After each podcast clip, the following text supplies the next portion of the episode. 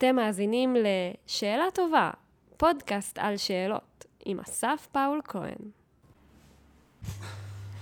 אה, טוב, איזה כיף. אז אה, ברוכים הבאים לעוד פרק אה, מיוחד בפודקאסט שאלה טובה. פודקאסט על שאלות עם אנשים שואלים. בעצם מסע לנסות להבין את אחת היכולות האנושיות המיוחדות ביותר, היכולת לשאול שאלות, כל פעם מזווית אחרת. נקודת מבט של מישהו אחר, להבין מהמסע שהוא עשה בחייו איזה שאלות הוא שאל, איך אה, שאלות אה, גרמו לו להבין את המציאות בצורה שונה, לפעול בה, לתקשר עם אנשים, אה, כדי להבין קצת יותר טוב מה זה בכלל שאלה, מה הופך שאלה לשאלה טובה, ואיך אנחנו יכולים להיות שואלים יותר טובים בעצמנו. אז יאללה, איזה כיף. לפני שאני אציג אותך, כהרגלנו, אני מבקש ממך לבחור מספר בין 1 ל-85. אנחנו נלך הבוקר על אה, 38. 38, קיבלת. אה, דבר אחד שמפחיד אותך נורא. אני חושב שמפחיד אותי להיות לבד. אה, אני תאום, יש לי תאומה. אני חושב שבשנים האחרונות אני מבין כמה זה מהותי במבנה האישיותי שלי, זה שנולדתי, שבעצם מעולם לא הייתי לבד. לא הייתי לבד ברחם, ולא הייתי אה, לבד בשום אה, פעילות ו- ומסגרת עד גיל מאוד מאוד מאוחר. אני בן אדם מאוד מאוד זוגי. אני לא יודע, לראיה, אני מאוד מאוד סובל כשאני מטייל לבד. אני לא אוהב את זה, כי אני מרגיש כאילו, אם אני חוויתי את החוויה הזאת לבד, ואז אני רוצה לחלוק אותה, כן. מי אומר שלא חלמתי, המצאתי, בדיתי אותה, אם לא היה לי מישהו שיחווה... אני... אין, אין. בדידות. קשה לי, קשה לי מאוד עם זה. זה מפחיד אותי. אה, מדהים, כאילו, אני חושב שגם באמת אומרים שאתה בא לבד לעולם ואתה הולך לבד לעולם, אבל באמת במקרה שלך אפילו לבוא לבד אה, לעולם לא היה, וקשר אה, עם הבן בת זוג, אה, הורים, בסוף אחים זה אנשים שאתה איתם בקשר הכי הרבה שנים, אז זה מטורף. נכון. ויש משהו מאוד מהותי באמת בנו כחיה חברתית, אנחנו כאילו לא שורדים בלי זה, המוח שלנו גדל בגלל הצורך הזה, אנחנו חלק מהאנשים יותר שאוהבים אנרגיה ומקבלים אנרגיה מאינטראקציות של אנשים, חלק יותר אינטרוברטים, אבל אה, אה, אבל נורא מעניין המקום הזה של ההיות לבד, כאילו, והמחשבות, יש אה, ספר של רוסו, שכתב מהמם. כזה, אמנה חברתית, פילוסוף זה, אבל אה, קצת פחות מוכר של הזיותיו של המטייל הבודד. אה, זה בדיוק רגע להרשות לעצמך את המחשבות היותר פתוחות, שאם היה עוד מישהו שמדבר, אולי היה מהדהד לך אותם, אבל לראות ולהתבונן בהם, יש לברקלי גם איזה ספר ש... אה, של כזה, להסתכל אה, לבד, אבל מגניב. כאילו, אני חושב שתופעת הבדידות היא קיימת, ופחד כאילו שאתה העלית עכשיו, אבל שכולם חווים אותו קצת, ובאיזושהי רמה של קושי. עכשיו הקורונה הזאת היא פשוט חד משמעית. איזה חוויה מטורפת לכולם, לחוות סוליטוד, בדידות, מכוונת, גם מנורמה חברתית, גם מהוראת הממשלה, טירוף. אה, ואז באיזשהו מקום כבר ירד וחזרנו להדהוד הרגיל, אבל יש עדיין את האנשים במקום הזה של הבדידות ואנשים שפחות היו בתוך המעגל אה, לפני. אה, נורא מעניין לחשוב איפה הם בתוך המקום הזה. ו... וכן, טוב, ה-85 שאלות דיברנו קצת אה, על הניסיון אה, באמת להוריד את הדבר הקצת שלילי הזה של בדידות. אני, אחד הפרקים הראשונים אמרתי ש... אה, אולי זה פחד ש... יאללה, אוקיי, ל- לאבד מישהו קרוב אליך. זאת אומרת, ו... אה, אימא שלי אה, הייתה ככה כמה שנים עם אה, סרטן, והיה מקום שהוא ידוע, וכאילו מקום שאתה יכול לעבוד על זה ולדעת לאן זה. אבל תפס אותי, אתה יודע, זה איזשהו זעזוע אקסנציאליסטי כזה, אז אה, זה, אני חושב, הפחד, אה, הפחד שלו נשאר כזה, מקום, כן. אה, אני אבחר אה, 52. אה, וואו. אתה יודע שזה המספר שלי? כן, חזק. זה לא- באמת? לא לא- לא הכרת את זה? זה זה המספר שאני אה, לובש על המדים של הקבוצה שלי. סיבה ספציפית? איך אה, הגיעו הדברים לידי כך? זה המספר אה, היחידה שלי מהצבא. אמ, חזק. רגע, תן לי להקריא לך את השאלה שבחרת. אני-. אה, יפה. אם הייתה לך עוד שעה ביום, מה היית עושה בה? שאלה טובה. זה טריק אה, לקחת את זה רגע לחשוב, וגם אה, בעצם אני חשבתי על השאלה, אבל אה, חושב שזו שאלה שבסוף יש לנו 24 שעות, אבל אם היה לך עוד, מה היית רוצה לעשות? עכשיו אני בתקופה שיש לי זמן, אני לקחתי קצת יותר חופש בפרויקטים וליוויים וייעוצים. Uh, נולד לי ילד ראשון, אז זה באמת... ברכות, כן, ברכות. טירוף. Uh, אז להיות איתו, אני חושב שלחזור להתעסק קצת בסינטוז של הפודקאסט, של הידע, מה... מה הופך שאלה לשאלה טובה? לחזור לפרקים הקודמים, מהמם. לעשות את הפרויקט הארוך, זה... אנחנו עכשיו פרק 70 ומשהו, היעד הוא 85 פרקים, אז לסגור, uh, לסגור עונה ולעשות את המקום הזה, אז אולי להתחיל משם, מקסים. כן. אם היה לך עוד שעה אני גיליתי ב... בחודשים האחרונים שהדבר שאני חייב להכניס לחיים שלי, ואני חושב שאם הוא היה קורה באופן יומיומי הייתי רק מרוויח ממנו, זאת המדיטציה שלי, וזה לצייר. אמ, אז אני עושה את זה הרבה יותר ממה שהייתי אה, עושה לפני כן, שנשאבתי מאוד מאוד ברצינות ל- לטקסטים ולבימוי ול, ולליווי של אה, יוצרים אחרים, אמ, אבל יש משהו בלצייר שמכניס אותי מאוד ל... ללעכשיו, אני מתחיל, אני לא יודע איך יצא הציור, וזה מין, מין אושר וסיפוק מאוד מאוד גדול של, אה, של פשוט אה, חלקיק של יצירה, משהו שהייתי עושה כל יום לשעה, בטח. כי עם הילדים שלי אני, מבל... אני, אני מאוד מקפיד לבלות מספיק. ו... מדהים. זה, יש שאלה של אה, באיזה אמנות אתה מבטא את עצמך, או איך אתה מבטא את מהמם. עצמך.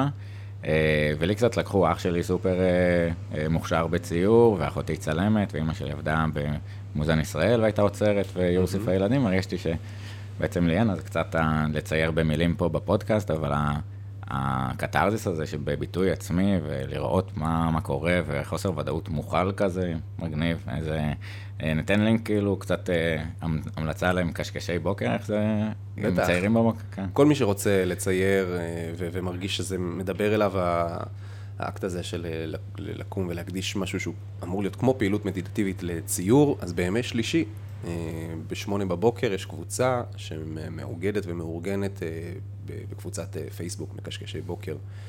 אה, ונפגשים בהנחיית יאלי הרברט שהיא נהדרת ומקסימה ומובילה את היוזמה הזאת ומציירים ביחד מתוך רפרנסים. זה, טוב, זה, זה חשוב למי שזה במקצוע שלו וזה מזקק ונעים למי שזה תחביב שלו.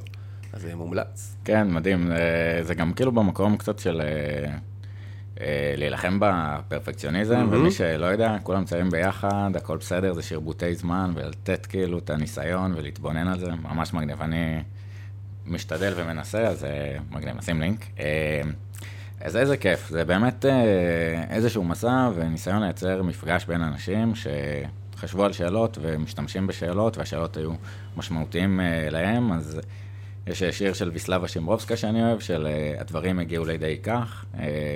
זה לא איזה יום היסטורי, לא יום שגנרלים כבשו בו אה, יעדים, אה, ויום רגיל, אבל מכיוון שאנחנו יושבים פה, היינו צריכים להיות במקום קודם לפני כן אה, ולפני כן, אז קצת אה, נדבר על אה, הדברים שהגיעו לידי כך אה, לקראת הפגישה שלנו, וקצת נדבר על אה, שאלות. אז איזה כיף. אה, היום אה, נדב אמבון, אמבון אה, עמוקאי, אה, מקורס טיס להקמת אה, יחידה בצבא אה, רוכב שמיים, אה, 52 מהרפרנס, אה, אה, שחקן פריסבי בנבחרת ישראל, אה, ב-2011 אה, היה שותף להקמת הפרויקט של זיכרון בסלון, הנצחה ושימור זיכרון של יום השואה, אה, חלק בגרעין המייסד של כול עולם, מטורף, איזה, היה לי גם טרפת. אה, עשה קליפ לבוב דילן, ביחד עם וניה היימן, קליפ ממש ממש מגניב, נשים גם אה, לינק, ואנימטור למד בבצלאל, מ-2016 מנהל קריאיטיב בכאן דיגיטל, אה, וכיום יוצר קסמים בעולם. איזה טירוף, איזה טירוף, איזה עשייה מגוונת, שונה, שמשפיעה ב scale, אה, מכל מיני מקומות, יצירתיים, אומנותיים, תודעתיים, חברתיים, טירוף. אז איך זה כזה לגדול בעמוקה? איפה זה? זה בצפון שמה? אדיר, כן, זה בצפון. אה, תודה על ה introduction, אני נבוך. אה, עמוקה זה יישוב קהילתי, מצפה קטן, 50 משפחות, הוא באמצע יער ביריה, היער השני בגודלו במדינה, הנטוע השני בגודלו.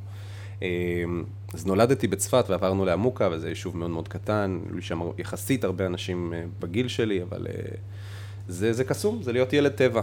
אמ, אני גיליתי את ההבדלים הניכרים ביני לבין אה, אנשים שגדלו בעיר בצבא. כשאתה פוגש את כל העירוניים, ובעיקר כשאתה יוצא איתם למסעות ולניווטים, ואתה רואה שאנשים שלא רגיל, שהיו רגילים ללכת על אספלט כל החיים שלהם, לא יודעים ללכת עם, על מדרונות ועל... ועל אה, כורכר, הם, הם נופלים, הם כמו כאילו במבי שרק נולד.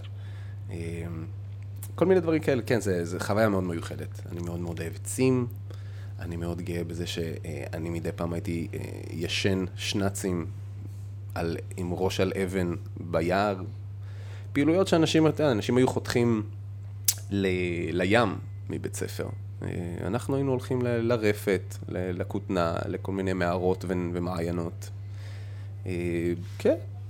מגניב, זה כאילו גם קצת, אה, א', המקום של המשקפיים שאתה רואה על העולם, ואיך אתה תופס את העולם במקומות קטנים, כאילו של אדם הוא תבנית נוף מולדתו, אז להרגיש בנוח בטבע, להרגיש בנוח בעולם הפראי כביכול, לא...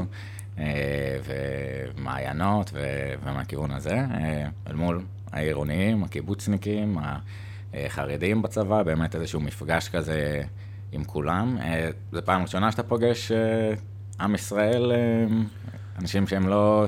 אני חושב שהפעם הממש ממש ראשונה, גם אתה יודע, הייתי בתנועת נוער, אבל זה כולם היו מושבניקים, אז אם אתה מושבניק מהדרום, או שאתה מושבניק מהצפון, או שאתה מושבניק מהמרכז, ואז אתה קצת פחות מושבניק, אם אתה יכול לקחת אוטו ולהיות תוך 20 דקות בתל אביב, כמה מושבניק אתה באמת, אבל המפגש הראשון שהרגשתי שאני כאילו מחוץ לבועה שלי, היה בצו ראשון של הצבא, זה שוב כאילו בהקשר הצבאי. הלשכת גיוס שלנו בצפון היא בטבריה. ונזרק אליי המשפט אחד המצחיקים ששמעתי, הוא עדיין מהדהד לי בראש, אני, אני אוהב לחזור עליו. הגעתי ללשכת גיוס והיה ברזלים מחוץ ל, ללשכה וישבו שם כמה חבר'ה מקומיים אה, מטבריה ותוך כדי שאני חוצה את הרחבה להיכנס לתוך הלשכה, אחד מהם צועק לי, קיבוצניק, יש עליך קרם גוף. ואני נקרעתי מצחוק, כל כך מצחיק. די, דבר, דבר ראשון להסיק, בגלל שיש לי סנדלים וחולצה גזורה, שאני קיבוצניק כבר אהבתי, ולשאול אם יש עליי קרם גוף, זו בדיחה שכאילו, בהרבה, כל כך הרבה רבדים היא עובדת לי. קשה היה לכתוב אותה, זה מצחיק שאנחנו נתקלים במציאות שלא היה אפשר לכתוב, ובאמת אה, באחד הפרקים הראשונים אמרתי, וואי, איזה מוזר, אם עכשיו עם הברקסיט, ומאז אה, מלחמה באוקראינה, רוסיה, קורונה, טירוף, אה, זה, אז באמת המציאות השתנה לה, אבל זה, זה מטורף, כי זו חוויה של כל בן אדם שהוא נולד והוא חי במקום שהוא גדל בו, כי ככה, זה הגיוני, כאילו, וזה העולם שהוא מכיר ומוכר לו בתוך הבועה הזאת, והוא mm-hmm. מתלבש בצורה שמנרמלים אותו, וכזה ככה זה נראה סבבה.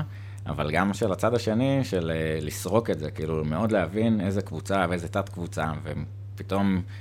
גם מהסיבוב הראשון אולי בהיכרות ב, ביחידה, אז גם אולי אם כן קצת יש פה איזושהי דומות מתכנסת בתוך הקמת יחידה, אבל... אה, בצבא באופן כללי, לפחות בצבא שלי, הייתי בצבא שכל כך הרבה מיונים עברו אנשים כדי להגיע לתפקיד שאני בסוף התגלגלתי אליו, שהצבא יצר משפך, והייתי בצבא עם המון אנשים שמאוד מאוד דומים לי. בדיוק. הם מכל הארץ, אבל הם מאוד דומים לי בכל מיני אטריביוטס. Mm-hmm. אמ, עכשיו, הייתי במין מחלקה, ביחידה יותר גדולה, שיש בה עוד מחלקות, ושם יש אנשים שלא מוינו באות, באותה דרך, אז הם, הם משהו אחר, וזה היה מאוד מאוד אה, משונה, זה, להיכנס למכונה הזאת של, של המיון הצבאי, זה כן. מרתק.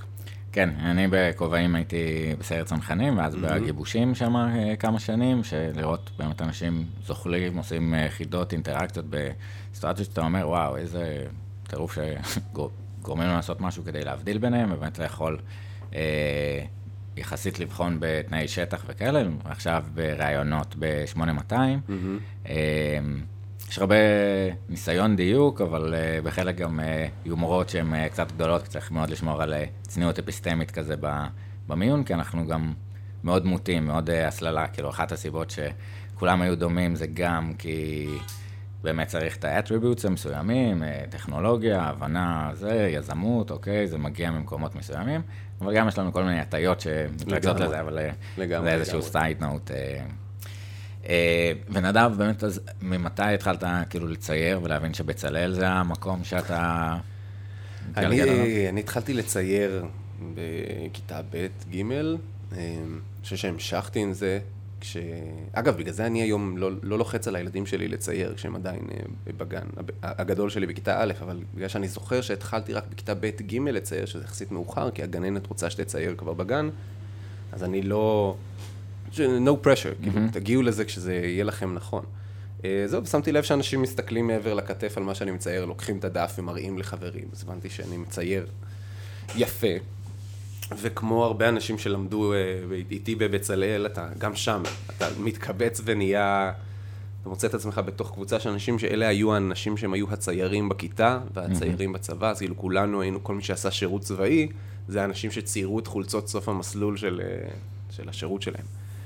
אה, בצלאל לא היה בראש שלי, אני בתיכון למדתי תיאטרון, אני חשבתי שאני אהיה שחקן, אבל אם אתה אוהב לצייר ואתה אוהב משחק, אז נקודת מפגש של שני התחומים האלה זה אנימציה. כי אז אתה יכול, אתה מצייר את השחקן שאתה מדמיין. אמ, וככה זה, זה יסתדר, ככה בתהיות מה אני עושה אחרי שירות צבאי, אז, אה, אז המחלקה לאמנויות המסך והתמחות אנימציה בבצלאל, זה היה הכיוון שהלכתי אליו. לא, לא, לא דמיינתי את זה כשהתגייסתי, אבל אה, כן. כן, אז, אז כאילו ממקום של, אוקיי, אתה די מוכשר כנראה, ואנשים מסתכלים על הציורים, ו... ואתה אומר, באמת כולם מתכנסים כי הם היו די מוכשרים, ו... ויש פה תהליך אה, מכבשי גם, ומאוד מאוד מלמד, בעיקר אה, פנימה, למצוא את הקול שלך כאומן, או מה זה אומר מול שאר האנשים וכאלה, אבל איזה שאלות ואיזה הסתכלות אתה מרגיש שהייתה בבצלאל על תהליך היצירה בסופו של דבר? כי אנחנו... תוך כדי יכולים להיות בביקורת על הלימודים ומאוד זה, או שסיימנו ישר בטח, וזה לא רלוונטי וזה כן, אבל יש את המקומות שלא יכלו להיפגש ב... בתעשייה, שאתה צריך את ההסתכלות, את ההתבוננות נכון. המשותפת הזאת, שאלות שמפילות אה, אסימונים. אה, מחוויה שלך בבצלאל, מה הזדקק? אני חושב, ש... אני חושב שהשאלה שהיה לי הכי קשה איתה בבצלאל הייתה אה, מה, מי אני בתור אומן, ומה השפה שלי. ומתוך מה אני יוצר. והיה לי, אני חושב שהדהד בי איזושהי אה, תפיסה שאומן צריך להיות מיוסר, והוא צריך להביא איתו בגאג' מאוד מאוד כבד ורציני, כדי שיהיה לו פתחון פה בכלל, להגיד מה שיש לו להגיד אה, על העולם. ואגב, אני, הרבה בגלל הדבר הזה, אז גם הפרויקט גמר שלי, הוא היה מאוד לא אישי. הוא היה... משהו שעניין אותי, ואני כתבתי ותחקרתי וניסחתי ופירמטתי, אבל הוא, הוא לא עסק בי. Mm-hmm. אני חושב שהסתובבתי, גם כשלמדתי אה, תיאטרון ומשחק, גם, גם, גם בתחום הזה אתה אמור לבוא מתוך איזשהו כאב מאוד מאוד רציני, ואם את בטח אם אתה בשיט, בשיטה של סטניסלבסקי, והכל אמור להיות מאוד לנבוע מהחוויה האישית, ובדרך כלל טראומטית או קשה אה, הרגשית שעברת, אז אני הרגשתי ש, שבאתי מבקראונד מאוד מאוד מאוד פריבילגי, אה, גדלתי בבית קטן בערבה הזה שם בגליל, עם משפחה... אה, מאושרת ושמחה ו... ו... ומכל מיני תנאים כאלה, ו... וניסיתי להתעלות בכל מיני אירועים, אירועים קטנים שהיו לי בחיים כדי לשאוב מהם משהו, והרגשתי אה, אה, נחות לחברים שלי שחלקם עולים חדשים, חלקם יצאו מהארון, חלקם חזרו אה, בשאלה, בתשובה, ולכל אחד יש סיפור אה, אה, הרבה יותר אה, משמעותי משלי. אה, אני לא חושב שבזמן הלימודים קיבלתי על זה תשובה ואיזשהו פתרון שהשלמתי איתו, אבל היום אני כבר יודע מה, למה מותר לי, או למה מגיע לי, או למה אני מרשה לעצמי לקרוא לעצמי יוצר ואומן. אמ, אבל בבצלאל, שאתה נמצא בתוך האפיצנטר הזה של יצירה ומניין היא נובעת, אתה לא רק לומד ל- ל- להיות אנימטור. יש המון בתי ספר שמלמדים אותך טכנית איך לעשות את זה. בית ספר זה, בצלאל זה בית ספר לאומנות. ולכן השאלות האלה היו, אני חושב, שאלות מאוד uh, עמוקות, מהותיות. כן, גם, גם כאילו המחסורת של, אה, של בצלאל מהדהדת לתוך זה, אה, וכן, בצלאל בן אורי בן... בצלאל בן אורי בן חו, mm-hmm. על שם כזה, זה בצלאל, ומוסד של בוריס שץ. אומנות מפעפעת, וכאילו שואלים גם קצת שאלות של מה הרלוונטיות של אנימציה ואנימטורים, עכשיו זה לא היה בתקופה שלך שאתה למדת, אבל פתאום כל הכניסה של אה, AI. דל, וכן, דל 2, AI, ומ... שוב, לא, לדעתי לא מקום שיחליף אה, אנימטורים ב... בקרוב, אבל אה, אולי אה, יחליף אנימטורים שלא משתמשים ב-AI, וצריך אה, כאילו ללמוד ולהבין מתוך, אה, מתוך זה את המשמעות.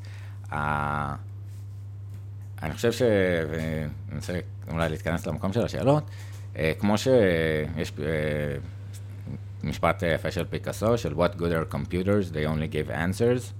אז אה, גם פה בדל אני מרגיש שכאילו זה לא אמנות, אה, זה אולי יצירה, זה איזשהו ציור נובלי חדש, מגניב, שהוא יותר יפה, יותר מהיר, אה, אבל אין פה איזה אמירה, אז צריך את השאלות אה, של האומן אה, כדי לעבוד איתו, איזשהו סייד נוט כזה. אה, אז בעצם מה- קדם למה? אה, זיכרון בסלון או עבודה בכאן? בזיכרון בסלון. נכון, אה, בהרבה שנים, בחמש כן. שנים. אה, זיכרון בסלון נולד, כמו שיוזמות חברתיות בדרך כלל, או, או לפחות נולדות בצורה האורגנית שאמורים ללמד, מתוך צורך. כלומר, היה איזשהו צורך שצף. אז נתעכב רגע על הצורך שהוצף, כי הצורך הוא פשוט המציאות, ככה זה היה המון המון שנים. הצורך היה קיים, אולי, אולי הולך ונבנה באמת, אה, של איזשהו דיסוננס בין הטקס הפורמלי ולהימנע מזה, אבל הגילוי לדעתי הוא החלק המעניין, והמקום הקוגניטיבי והשיחה שנייה לפני אה, איך זה צץ ואיך זה גדל ואיך עושים scale. אה, איזה שאלות, מה כאילו, איך מזהים את הצורך וגם עוד אחר כך פועלים עליו. אז דבר ראשון, כל הדבר הזה התחיל משאלות שהיו של אשתי היום, אה, עדי אלטשולר, שהיא יזמת חברתית עם record אה, מאוד מאוד ארוך ומפואר, והיא יודעת לעשות את זה, יודעת לה- להאזין לצו מצפונה ולשאלות אה, שעולות בה, ולא לא לכבות את, ה- את הקולות האלה. גם אם הם קשים, גם אם זה אומר... שכחתי בכלל שיום השואה, ואיך זה קרה, למה? למה לא אכפת לי? למה אני לא, לא, לא מציינת, ולמה כשאני מסתובבת ברחוב אני שומעת מבתים של, אה, של אנשים אה, ליגת האלופות עם יום השואה. אז מהשאלות האלה אה, פתחנו איזה מין שיחה כזאת אצלנו בסלון, וקשקשנו, היא ואני, ו... ואני חושב שסיימנו את השיחה ואמרתי לה, אוקיי, אז, שנה הבאה, שנה הבאה בוא נעשה מה, ש, מה שאת רוצה. וכשהגיע 2011, יום השואה, לקראת יום השואה, אז התחלנו לשבת ולפרמט מה נעשה בערב שנזמין אנשים אה, אלינו. אה, אז מן הסתם, בשלב הזה זה עוד לא, לא היה דיבור עדיין על scale מטורף. אז, אז בשלב הזה זה כזה זיהוי צורך שלכם, כאב שלכם, מהמם. משהו שלא עבד לכם, אתה אה, רואה סרטים בבית, בספה, אה, והיא היום רץ ופתאום לא שמים לב, ולא ציינו, בוא, בוא נעשה משהו ש, שאנחנו נתחבר אליו, נכון? זה, זה כן. השנה הראשונה. אני חושב שעדי עדי מאוד אה, הגיע לאיזה מין, מקום של, היי, זה אמור להיות חשוב, למה אנחנו לא נותנים לזה משקל?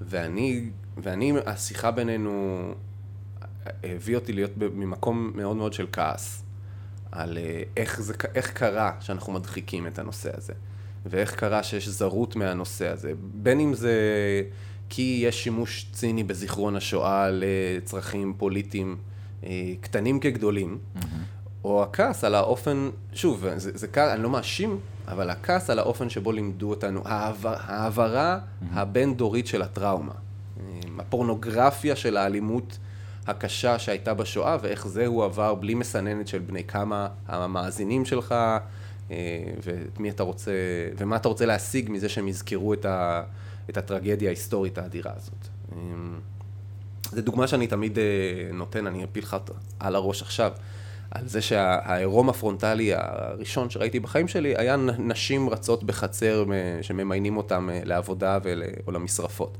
בשחור לבן. לא סביר. לא סביר שזה יהיה העירום הנשי הראשון שילד אה, נחשף אליו. זה אמור להיות national geographic, אה, שבטים אפריקאים שעם הציצי בחוץ, כל מיני דברים כאילו סבירים ו- ונורמליים. על טבע האדם, לא הדבר המפלצתי והאכזרי ביותר שקרה ב...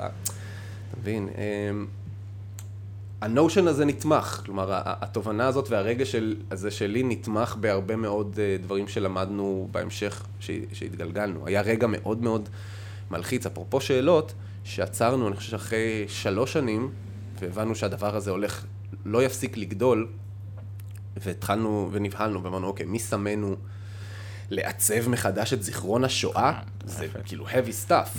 אה, והתחלנו במין אה, מבט החוצה והתחלנו לחקור ולשאול ולנסות להבין האם אנחנו בסדר. חיפשנו אשרורים. עכשיו, בגלל שזיכרון בסלון היה מאוד מאוד, יוזמה שהיא מאוד מאוד בוטום אפ, מה שנקרא, שאתה מתחיל מהאנשים וזה לאט לאט עולה מפה לאוזן.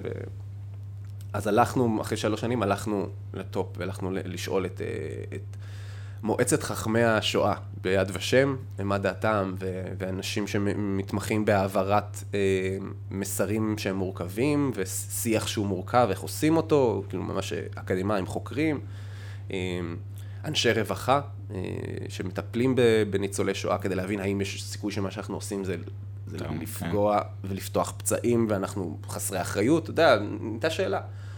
בשנה השלישית כבר, כבר היו 200 אה, סלונים שאירחו, ואמרנו, אוקיי, הדבר, זה, זה, לא, זה לא יקטן, זה רק יגדל. בטח שעדי אלטשולר פה בראש ה, על הסיפון, זה... אמ, והכל הש... וזו הייתה התקופה, אני חושב, הכי מרתקת בשבילי בזיכרון בסלון. אני עדיין כל שנה מעלה תובנה חדשה ושואל שאלה חדשה. אבל שם זה היה מין התפוצצות, עשינו את זה בצורה ממוקדת, ושאלנו שאלות מאוד מאוד אה, חסרות אה, אה, פחד ומעצורים, עם החשש של איזה תשובות נקבל, ויכול להיות שיגידו לנו shut it down, אבל זה היה נועז ומרתק. אז מה באמת השאלות ה... המפחידות ש... שקשה לשאול, ששאלתם, כאילו שאלות... השאלות נהיים, השאלה אם אנחנו מסמנו והאם זה בכלל טוב, בואו נאשרר את זה רגע. כן. אני חושב שאתה יודע, זה גם קצת מתכתב, וזה מקום קצת יותר מפחיד, אה, ו- ויותר, שוב, לשאול את עצמך מי סמני, וקצת אה, אה, יונה הנביא, לברוח mm-hmm. תחת ה... מה, מה בדיוק, אני לא הייתי, לא רק שלא... הייתי במשרפות, או גם לא התחבאתי, לא הייתי בשואה, מי אני שישפיע על הדבר הזה, אבל זה בעצם אנימציה לא על דף ועט, אלא על מפגשים פרונטליים אה, של אנשים, היכולת לתת לאנשים אה, נראות ולדבר על זה, וזה גם שאלות. ניקח רגע לפני השאלות העצמיות של מי סמני, אה, שאלות שהן עם שעון חול. כאילו, אני זוכר שלי, יכול להיות שיש אנשים, ניצולי שואה שהם לא סוגרים את החודש וכל הדבר. פשוט במפגש, כאילו, זה מה שהצו אה, המוסרי, לאן, הוא קיים, אין משהו יותר ברור מזה. ועם כל יום שעובר, אז היכולת להנכיח בצורה חיה, אה, בצורה דינמית, בלתי אמצעית, ואת המפגש הזה לייצר משמעות לכל כך הרבה אנשים, אה, ואנימציה בפועל. איך, איך אתה מסתכל היום על הפרויקט הזה לאחור?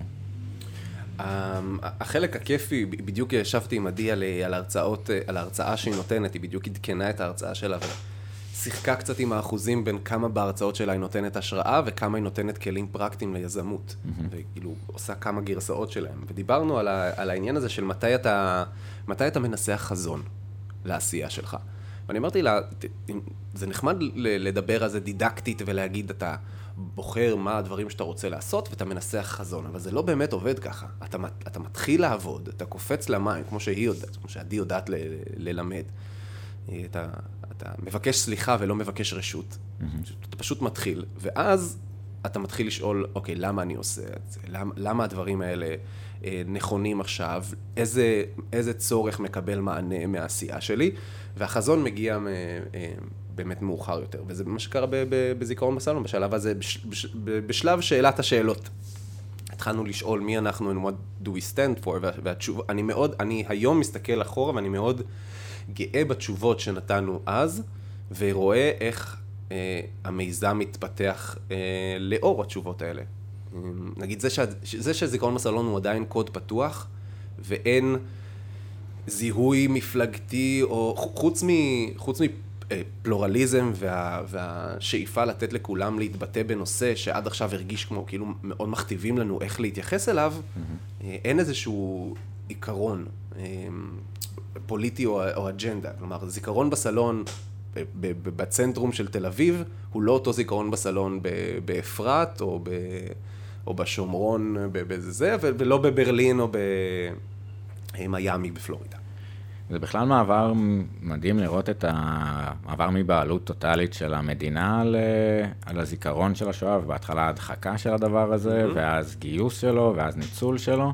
אה, זה באמת קוד פתוח, והאפשרות של המענה הדינמי הזה, אה, האותנטי, אה, יפה בכלל על בעלות על שיח ציבורי, על נורמות, על איך אנחנו רוצים לחוות את זה באיזשהו לקיחת אחריות ותרתי משמע, כאילו זה גם צריך מישהו שיארגן את זה ויעשה את זה, ולא הגוף הממשלתי, אבל גם הפלורליזם האותנטי שיוצא מזה, זה, זה בנושא זאת, קשה. זה בעיניי התשובה הכי מרגשת שקיבלנו בתקופה הזאת, ברמה שלי האישית, ולכן אני גם, אה, אני חושב שהיא גם מאוד מאוד מעוררת השראה, ולכן אני תמיד חוזר על זה בהזדמנויות שנדבר על זיכרון בסלון, שהתשובה למי שמנו ומי נתן לנו את הרשות לגעת בזיכרון השואה, אז התשובה הגיעה מחברים ש... שהתחברנו אליהם ממכון ון ליר, ומחקר ספציפי אה, שחוקר אחד אה, ניסח שם. על האבולוציה של זיכרון השואה. בעצם התשובה למי שמנו הייתה, אל תדאגו, אתם לא נוגעים בפרה קדושה מימי ימימה.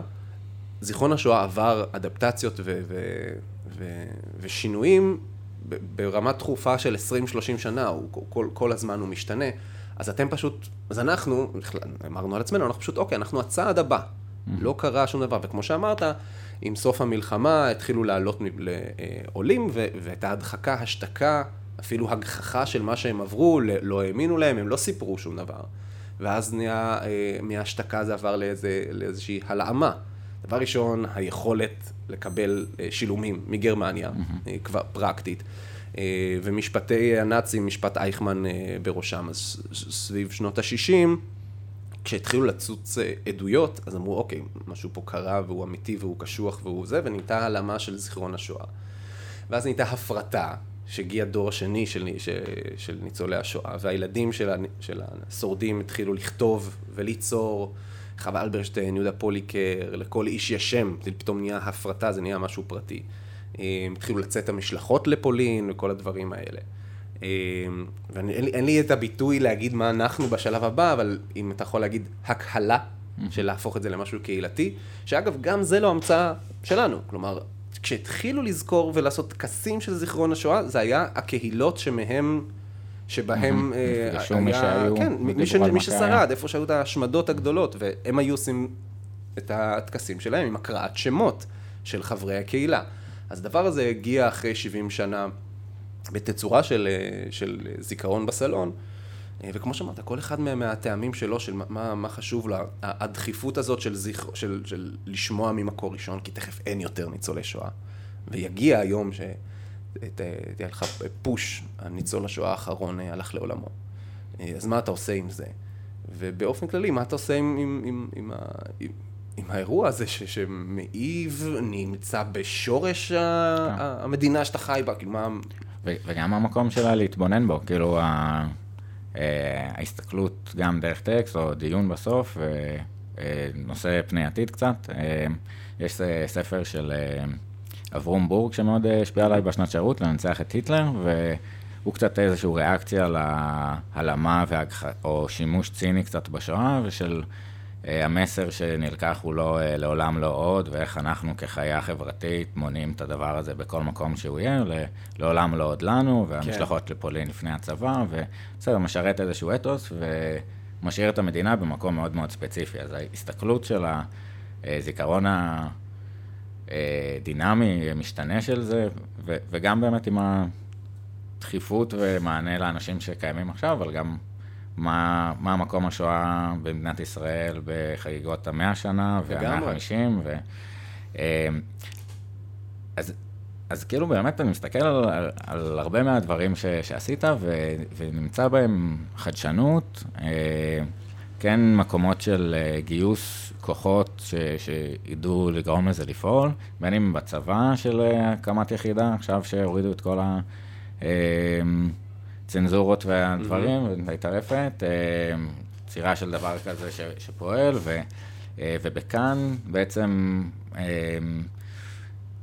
לייצר משהו ששינה קצת איך, איך שאנשים לא רק חווים את זיכרון את חוויית השואה, אלא איך הם חווים תוכן ומעמקים וחושבים ומה, הרבה פעמים השאלות שהם שואלים, אה, מכאן סקרנים למחקרים, הרבה פעמים זה סובב סביב איזושהי שאלה, ואולי לתת לה דרור לאותו כתב, יוצר, לעשות את היציאה שלו, אבל הרבה דרך שאלות. איך מתחילים דבר כזה? אוקיי, אנחנו מורידים את הפיל, בעצם לא מחדשים מחדש את הבניין של רשות השידור, אלא בונים בניין חדש, uh, ושקצת כמו uh, ציור, מתחילים עם דף לבן. אוקיי, בואו תקים את חטיבת הדיגיטל של כאן, קראו לזה בהתחלה חטיבת הדיגיטל, איך זה, איך זה נוצר, איך זה נולד מבחינתך? אני, אני אזרום רגע על, ה, על המטאפורה של הדף לבן. Mm-hmm. גם לדף לבן יש מידות. אה, אז, אז הגבולות, מבחינתי, כל היצירה של, של אה, חטיבת הדיגיטל והתוכן הדיגיטלי של כאן, היה מאוד מאוד החופש שאני מרגיש בתוך בריף מאוד מאוד אה, ברור. כלומר, הגבולות גזרה הם, הם, הם יכולת להתפרע, כי אתה יודע בדיוק.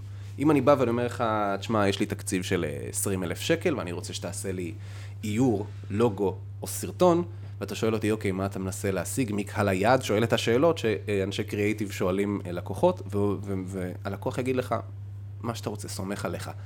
אתה בבעיה. Mm-hmm.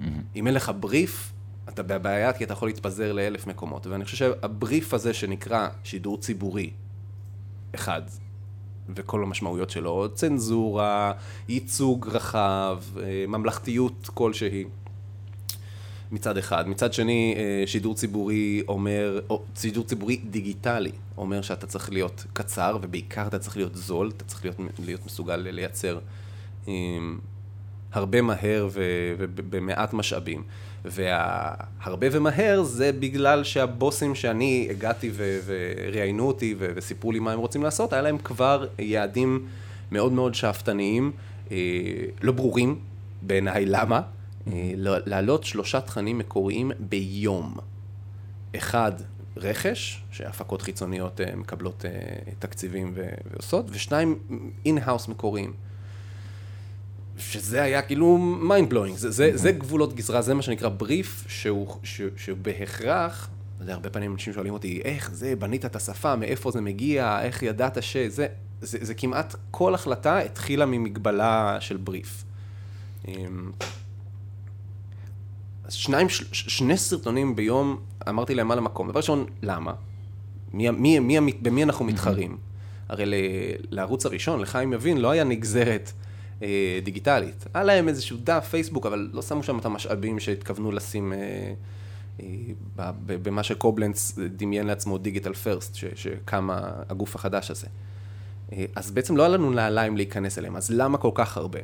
ואם נסתכל רגע על המתחרים, אה, מאקו כנגזרת דיגיטלית של גוף אחר גדול מתחרה, או מי שהוא שחקן רציני בשוק כמו סרוטונים, שממנו, mm-hmm. שמהם הגעתי, אתה יודע, מעלים סרטון בשבוע, באנימציה זה סרטון בשבועיים, כי זה לוקח המון זמן לעשות.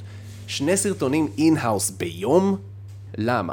אמרו בוא תתחיל בלהגיד לנו איזה, איך, איך נעשה את זה, ואנחנו יש לנו שנה של הרצה, שזה השנה לפני שהיינו בהקמה. כן. סליחה. משהו אחד, כאילו היה לנו שנתיים. שזה גם מגניב קצת למסגור של ה לטעות קצת, בהרצה, ותנסו ותעשו ותיצרו וסבבה, זה שתיים מהירים ונראה מה עובד, גם סתם על הסט mindset של אה, לאפשר לעצמך לשאול ולאפשר לעצמך ליצור, יאללה, זה מקשקשים בבוקר, זה בהרצה, אז אוקיי, תעשה שני סרטונים ביום, למה? הסרטונים היום? אז, אז, אז כמובן, אה, למה ואיך, והתחלתי, עשיתי, ברעיון הראשון אמרתי להם breakdown, אמרתי להם, אתם תצטרכו פה 40 עובדים in-house, 40, כדי לעשות סטודיו שיחזיק את מה שאתם מדברים עליו. והם היו אנשי חזון מאוד מאוד מאוד אה, גדולים, ולזכותם ייאמר שהדבר הזה קרה, עדיין קורה. אה, אבל הם, הם לא ידעו איך לעשות את זה, ובשביל זה פנו אליי. כלומר, אני הגעתי שכבר האסטרטגיה היא סרטוני וידאו, שניים מקוריים ביום ואחד רכש, ובפלטפורמות הדיגיטליות אה, כרגע העיקרית היא פייסבוק. זה, זה הדברים שכבר, אה, ש, שהגעתי להם שאני יודע. ועכשיו, איך עושים את כל הדבר הזה?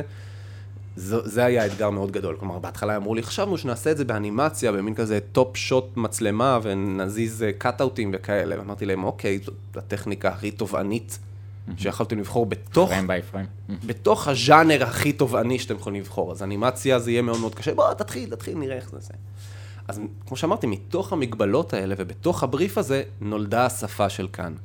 אה, אתה ציינת קודם, מלך זילברשלג, אני לא יודע אם היינו באוויר, מלך זילברשלג, לוסי איוב, אה, תמיר בר, אהוד אה, מאיר, כל החבר'ה האלה, אורית נבון, הם כולם הגיעו בתור תחקירנים או תסריטאים, הם לא היו אמורים להיות און קמרה בכלל, הם היו אמורים להביא את התוכן מהעולם שלהם. זה יותר קומי, זה יותר חברתי בועט, זה שאלות של, שאלות של זהות, אה, אבל אחרי שהתחלנו, וכשהתחלנו זה היה אפטריסט בשם איגור, איש יקר, ארט דירקטור בשם יונתן קנן, הוא עדיין שם. כמה אורחות שעבדו עם אה, איתי אשר על הרצועה הדוקומנטרית mm-hmm. נהדרת שרצה עד היום, אה, ואני, אבל זה לא היו את כל החבר'ה האלה. אה, וכשעשינו יצירה ראשונה באנימציה, זה לקח יותר מדי זמן. כלומר, אי אפשר לתרגם את זה ולעמוד ביעדים עם, ה... עם הסוג עבודה הזאת. ובאתי לבוס שלי, מתן דרור, דרורי, ואמרתי לו, אנחנו חייבים לצלם אנשים מדברים. אם אנחנו לא נצלם אנשים מדברים, כל 30 שניות שמישהו מדבר, לא מדבר ורק מוקלט ב voice over, אני צריך לעשות פה imaging כן. של הדבר הזה. עכשיו, כמה מ stock אה, footage אפשר לקחת לפני שאתה נראה כמו כולם, וזה סתם. אז אה, השפה הזאת של פרזנטורים אה, נולדה מתוך הצורך הזה. וכשהתחלנו, התחלנו עם באמת סדרה שהייתה מאוד מבוססת שאלות. על למה אנשים, נעק... למה אנשים נעקצים על ידי יתושות יותר מאנשים אחרים. למה יש אנשים שלא סובלים כוסברה לצד אנשים מזה? למה יש אנשים שמאחרים כרונית? למה אנשים נפצעים יותר? זו הייתה הסדרה הראשונה שעשינו שהייתה אה, לא דוקומנטרית. אה, מכירים את אלה ש, היא נקראה. אה, ושם, אז אה, אה, היה טקסט מתוחקר, ואז תסריט שאתה מעבד אותו למה שאתה יכול לצלם, ו shooting, ובגלל שאני בא מדיסציפלינה אנימטיבית, אז לכל סרטון רשת כזה אני עשיתי storyboard. ומה שנקרא video board, שזה animatic, שזה הציורים שרצים לאורך ה timeline שנקבע על ידי קריינות שאתה עושה מראש, אתה, אתה מסמלץ את, את הקצב של, ה, של הסרטון. ובעצם יצרנו מה שנקרא pipeline, התהליך שמה קורה מרעיון, תחקיר, תסריט, shooting, הפקתי, storyboard, יום צילום, פוסט עריכה, After ואפקטים ועיצובים, כתוביות, שזה היה מאוד חשוב כדי להנגיש לכולם.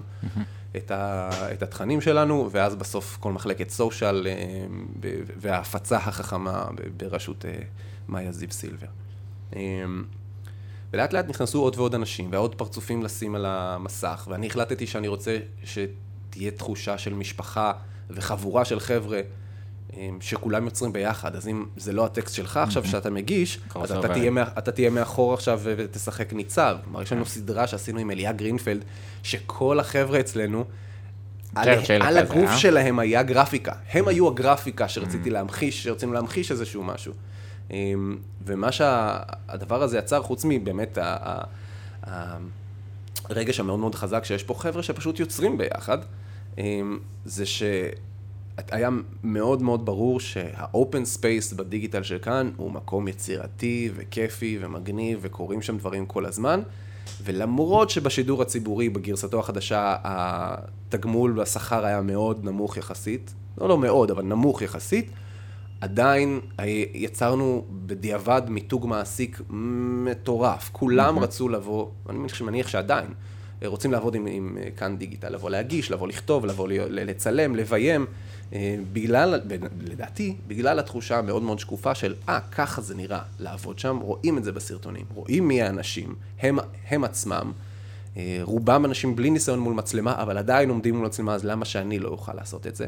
והדבר הזה הוא, הוא, הוא attribute מאוד מאוד מאוד אה, קלאסי ליצירת רשת. היא צריכה להיראות effortless. שאנשים יסתכלו ויגידו, אה, אין פה איזשהו production value מטורף, אני יכול לעשות את זה בעצמי. אבל מאחורי כל טיק טוקר ויוטיובר ואושיית אמ, אינסטגרם שאתה רואה, יש מאמץ ומחשבה והשקעה מאוד גדולה, אף אחד לא קיבל את המפתחות לממלכה שלו מאף אחד. כולם עובדים קשה בשביל כן. זה. אני חושב שכאילו באמת התחלנו עם המשקפיים של גדול בעמוקה ובטבע, אה, והמקום שאמרת, This is what I do, כאילו אני יודע לקחת רעיון ולעשות ממנו אה, את ה storyline, ו, ולחשוב בצורה ויזואלית, ו, ולהפיק את הדבר הזה, וגם באמת להפיק את זה אה, מעבר. אז לפני, מעניין אותי רגע שנעשה breakdown לבריף, mm-hmm. אה, כי כאילו זה, זה קצת שאלות תם, מה זה בעצם אומר? אה, יש איזושהי הבנה של מי הלקוח, מה אנחנו רוצים לעשות, מה הדברים, אבל איזה שאלות מנחות בדרך כלל, ולמה זה מאפשר לך. נגענו בזה שזה נותן גבולות, אבל מעבר לזה, מעבר לגבולות, שזה כל תשובה של בריף אה, שיכולה להיות. אז בריף, תשמע, אני שם רגע בצד את כאן, כי כאן, ברגע שאתה שידור ציבורי, המטרה היא לתת ערך מוסף לצופים שלך, ולייצג את האוכלוסייה בצורה הרחבה ביותר, אז זה עניין של מינון וגיוון. אה, אבל בדרך כלל בריף מגיע מלקוח, זה יכול להיות אה, גוף מסחרי, הוא יכול להיות חברתי, הוא יכול להיות, אה, מנסה למכור מוצר מסוים, ואז השאלה המאוד מאוד מאוד ראשונית היא מה אנחנו מנסים לספר, מה אנחנו רוצים שידעו, אנחנו רוצים שמישהו יקנה מאיתנו משהו, אנחנו רוצים שמישהו יקליק, אנחנו רוצים שמישהו ישתף, לעורר בהם השראה. מה להתחיל מהאקשן אייטם, מה אנחנו מנסים לייצר. מה אנחנו רוצים שיקרה. ואז כמובן אתה רוצה לשאול מי, מי האנשים שאנחנו רוצים שיגיבו לזה. כלומר, mm-hmm. מה אנחנו רוצים שיקרה מהסרטון ומי האנשים שאנחנו פונים אליהם. קהל היעד. אה, חתך גיל, אוכלוסייה, מאיפה, מה הרקע שלהם. אה, אם אתה מנסה למכור אה, מה שנקרא B2B, האם אני פונה אל מנהלים, אל CEOs, או שאני פונה ממש אל עובדים? כלומר, מי, אתה יודע, mm-hmm. בכל שדה זה, התשובה יכולה להיות אחרת. ואז יש עוד, אתה יודע, בגלגול הנוכחי שלי, שיצאתי לעצמאות המפחידה הזאת, אמ, אז הרבה מהמוצר שאני מנסה אה, למכור, הוא, הוא, לא, הוא לא לגמרי ברור ל, ללקוחות הפוטנציאליים. ואז בניתי מין סדרה של שאלות כדי לנסות לשאול אותם, אוקיי, בלי שאנחנו נכנסים לתהליך ארוך של חזון ומה, אני צריך להבין מי, מי אתם, מה השפה שתייצג אתכם בצורה הטובה ביותר. אז יש ספקטרום רחב לכל דבר, אבל בואו נלך רגע על, על, על האופציות הבינאריות. אתם יותר אלגנטיים או יותר אה, פרועים? כלומר, מי אתם רוצים להיות? אה, ובתוך הדבר הזה יש המון המון המון סוגים ודרכים אה, לגשת אל, אל, אל, אל בריף בסוף. אבל אם אתה שואל מספיק שאלות, אתה תצליח להוציא או, או לת, לתת הצעה למי שמולך, שתענה על כל הדברים שלו. זה, זה דורש הקשבה מאוד מאוד... כן, זה תהליך אה, מטורף, אפשר לקחת אותו כסימבול לאינטראקציות אחרות, אבל זה בסוף אה, לקוח שמגיע עם הסט אמונות שלו, מחשבות שלו, דמיונות, איך שזה ייראה בערך, אתה מגיע עם המחשבות שלך, וכדי למצוא את הסינכרון הזה, להוצאת כל אחד מהתיבת תעודה הפרטית שלו, הסתכלות משותפת, דרך שאלות, אז בהתחלה, אם היית שואל אותו איך בדיוק היית רוצה שזה ייראה, הוא יגיד לך, תשמע, אני בגלל זה הבאתי אותך, כאילו, בוא תראה לי. אז אתה יכול אולי להתחיל בשאלות אה, כן ולא והתמקמות, אבל אה, בסוף התהליך אולי אנחנו נקווה להיות באיזשהו סינכרון, שנוכל אחר כך, אוקיי, או תוך כדי ויזואליזציה של אה, שאלות, גם יותר בכיוון הזה או בכיוון הזה, שזה גם אה, מגניב שימוש אה, ויזואלי תוך כדי, אבל יש שאלה שאתה אוהב במיוחד אה, לשאול בהבנת אה, דיוק ערך במוצר כזה? כשאתה שואל את זה, עולה לי אה, שאלה שאני אוהב לשאול נקודה, בלי אה. קשר לתפקיד. אני כן, אני אקח את זה לשם. יש לי, יש לי go to icebreaker, שהוא שלי, מקורי, מוזמנים כולם להשתמש בו, וזה שאני פוגש בן אדם, אני שואל אותו, מה הרחבת בתיכון? עכשיו, מה הרחבת בתיכון זאת שאלה, דבר ראשון שכמעט תופסת תמיד אנשים off guard, זורקת אותם למקום מאוד מאוד מאוד אה, אה, ראשוני ו- ו- וילד, ונוף ילדות. מצד שני, זאת ה- כאילו בין ההחלטות הראשונות שבן אדם אה, מקבל בתבנית הישראלית, שהוא מכריע משהו שקשור לעתיד שלו. ואז יש follow-up question של אתה עושה משהו היום שקשור למה שלמדת בתיכון, ואז הם תמיד אומרים, אה, אתה יודע, אתה יודע, רגע, רגע, רגע, אתה יודע מה? כן. כן, כן, לקחתי איתי את ה-X, Y, Z, זה תמיד אייסברייקר מצוין. אמ, אני יכול להגיד לך על משהו לגבי הבריף ו- ושאלת שאלות, וזה איזה שאלות אתה בוחר לשאול, זה כמובן, אבל גם איך אתה קולט את התשובות. זה מאוד מאוד מאוד חשוב. אני מרגיש שהרבה פעמים יוצרים ואנשי קריאייטיב נורא רוצים לעשות משהו שהם חושבים שהם אה, יכולים לעשות טוב בשביל הבן אדם ובשביל הלקוח או בשביל הגוף, ובעצם אה, הם או רוצים לנחש מה יהיה מה יספק אותו, אה, או שהם רוצים נורא לעשות משהו שהוא שמגניב להם לעשות, זה החלום הגדול מאוד אה, שלהם. ואני נמצא היום במין תקופה ובמין מצב שבו אני מאוד מאוד מאוד מאוד מאוד מנסה להישאר אותנטי למה שאני באמת חושב שהוא נכון, אה, אל מול מה שהבן אדם מספר לי עליו. ו, והעיקרון בעיניי הכי חשוב לעבודה אה, בקבוצה, שזה מה שאני מאוד מאוד אוהב לעשות, זה לנמק כל דבר. כל החלטה שקיבלת וכל uh, תשובה שאתה נותן, להיות מסוגל לעמוד מאחוריה בנימוקים. כי אחרת זה מאוד מאוד קשה לאנשים, בטח בישראל, להיות uh, מוציאים לפועל של uh, איזשהו, איזושהי החלטה בלי להבין למה ומה עומד מאחורי זה. ואני משקיע המון המון זמן, שלפעמים, אתה יודע, הוא, הוא, הוא עולה כסף, ולהגיד לאנשים שאני עובד איתם, למה ההחלטה הזאת היא החלטה שתוביל אותנו. למה הפורמט הזה הוא הפורמט הנכון. בשביל המסר שהלקוח או הלקוחות האלה רוצים אה, להעביר. מה תהליך העצירה וההנמקה המשותפת אה, מייצר, לדעתך, עבור הקבוצה בפרויקט? או... דבר ראשון, לפני החשיבות של שיח ולגרום לכולם להתחבר ולהרגיש שהם חלק ושהיה להם טביעת אצבע על הדבר, אה, זה, זה עצם זה שאתה, שאתה מסתכל על בן אדם בעיניים ואתה אומר לו, היי, מה, מה ה input שלך? אני רוצה שתיתן לי את ה input שלך. אגב, זה איזה טריק שהוא, שלפעמים אתה יכול לעשות בסיטואציות שאתה אומר, אין, אין לי זמן להתחשב בשום דבר. אם בן אדם יקבל את התחושה שהוא אמר מה שהוא מרגיש, דבר ראשון, יש איזשהו שחרור, איזשהו פירוק, איזושהי תחושה של, אוקיי, רואים אותי, מכירים בקיומי ובערך שאני יכול להביא עם, עם, עם, עם מה שאני יכול להוסיף אה, ולענות על השאלה הזאת. בין אם יהיה לך זמן להתייחס או לשנות, אה, וזה תלוי גם, דוגרי לגמרי, זה תלוי גם במי הבן אדם ש, שעומד מולך, ואתה, ו, ואתה צריך להבין את יחסי הכוחות. לי הרבה מאוד, חש, הרבה פעמים חשוב לשאול אנשים שהם הולכים להיות מאוד hands on על, ה, על הפרויקט איתי. אה, זה מצד אחד. מצד שני, זה יכול להיות האנשים שהם הולכים להיות אלה שמכריעים. הם לא רק המלווים, כן. לא רק ה-designated אה, producer, הם המקבלי החלטות. ואז זה שני סוגים שונים של אנשים שאתה רוצה לחבר אותם למה שאתה הולך לעשות. ועצם השאלה שנכנסת אל האוזניים שלהם, היא חשובה עוד לפני שדיברנו על מה הם יענו. מטורף. זה באמת ההבנה של כאילו שאלה טרנספורמטיבית, לחבר אנשים עם האינטרסים שלהם בתוך החדר, לתוך הדבר עצמו. אני חושב שזה גם מתחבר, שוב, לפחד הראשוני, אבל אה, המענה של זה זה נראות. כאילו, נורא קשה לנו להסתובב בעולם בתחושה חלק אה, שלא רואים אותנו. אה, ולתת למישהו את המקום שהוא הביע את דעתו, אתה מרוויח באמת פעמיים, היותר ברור מאליו זה ה engagement, ו... אה, הנה, עשינו איזה דיון ונשמעתי ואני אעשה את הדברים. אה, אני חושב שמעבר לזה, וזה עוד אתגר בין אינקלוז'ן, uh, uh, כאילו היכולת להכליל ובאמת לשמוע את הדעות, אבל גם צריך שבחדר מקבלי החלטות באמת יהיה דעות מגוונות שאפשר לשמוע אותן. Uh, אז אתה יכול קצת uh, לחשוב על סיטואציה באמת, uh, אני חושב ש... אוקיי.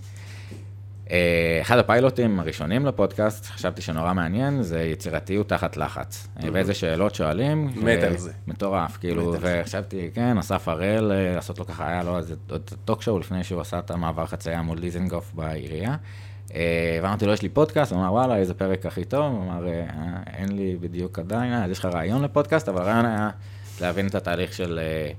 יצירת אה, משהו שהוא חדש, חדשני, יצירתי, מצחיק, אבל תחת לחץ של זמן, אה, קורטיזול גבוה, זה זה. אה, ולייצר את זה באמת בסביבה שאמרת, ואני חושב שזה כן חדשני, כאן עכשיו, תחושת הכללה, תחושת ייצוגיות של כל האנשים, ושהם באמת מביעים את דעתם. הזווית הייחודית של מי שכביכול משתייך מהקבוצה הזאת, נותן את האינפוט שלו. אתה זוכר? אה, תהליך למידה של, של הקבוצה מתוך אה, שאלת שאלה אה, ולשמוע מישהו מרקע שונה, כמו בטירונות. וואלה, אני חושב שבכלל צריך לעשות את זה ככה, אנחנו מפספסים את הנקודה הזאת. תשמע, אני לא יודע אם, אם יש לי דוגמה על, על תהליך, על שאלה שנשאלה ב, ב, בזמן תהליך. אני זוכר על, על תוכן שיצרנו, שהוא התוכן מבוסס על שאלות. Mm-hmm. זה, זה סדרה שלא התממשה, עשינו ממנה שני פרקים. קראו לה טיפול זוגי, אחרי זה בהמשך היום בכאן כבר יש סדרה לטלוויזיה, אבל אנחנו עשינו לפני זה סדרת דיגיטל. אבל בגלל שזה agile, קל ודק, אז אפשר שנייה לעשות את הפיילוט ו...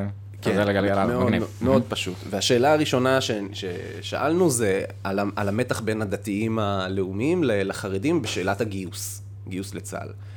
ואז העבודה על התסריט הייתה הטיפול הזוגי שאחרי זה צילמנו, אבל זה מה שזה היה. אהוד מאיר ומלך זילברשלג ישבו והתחילו לדבר על למה כל אחד מהם חושב את מה שהוא חושב על גיוס. והפלא המדהים שיצא משם, זה היה התשובה, הפעם הראשונה שאני שמעתי תשובה ממישהו חרדי, שהניחה את דעתי ואמרתי, אה, אוקיי, זה, זה העמדה שלו, וזה פשוט in-negotiable, אתה לא יכול להתווכח עם מה שהוא אומר, הוא מאוד מאוד צודק מנקודת המבט שלו. יש משהו מהותי שאתה אולי לא מסכים איתו, אבל זאת התשובה שלו, ושניהם הלכו למטפל, ששיחקתי אני, צילמנו את זה בבית של אה, אימא של אשתי. אה, זה היה מאוד מאוד מצחיק, אה, הם שניהם לא הפסיקו להיות בקשר, כי הם לא מצליחים, הם כל הזמן מתווכחים על הגיוס. ומלך ניס... ניס...